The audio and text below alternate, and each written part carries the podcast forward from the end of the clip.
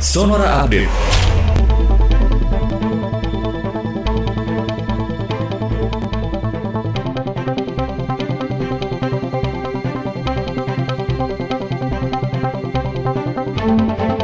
Kementerian Kesehatan Republik Indonesia mengkonfirmasi satu kasus mutasi virus SARS-CoV-2 varian B1351 ditemukan pada salah satu warga negara asing yang sempat tinggal di Bali.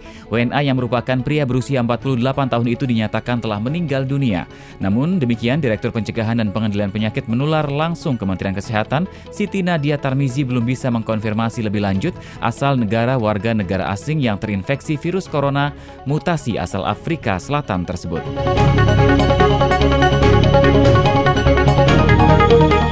PT Raja Wali Nusantara Indonesia dan PT Berdikari akan mendatangkan daging sapi beku boneless asal Brazil sebanyak 420 ton. Sebanyak 140 ton di antaranya telah tiba di Pelabuhan Tanjung Priuk, Jakarta Sabtu lalu. Kemudian 4 kontainer lagi dijadwalkan tiba sebelum lebaran.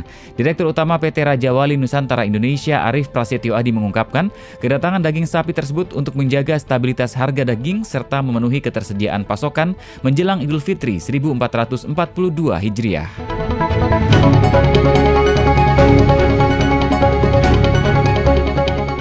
Indeks harga saham gabungan IHSG menguat tipis pada awal perdagangan hari ini. IHSG terpantau menguat 0,09 persen atau 5,29 poin ke level 5.947,89. Sebanyak 188 saham menguat, 146 melemah, dan, dan 202 saham lainnya stagnan.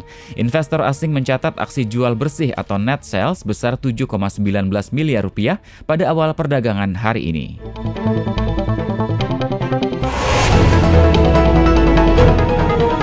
Demikian Sonora Update.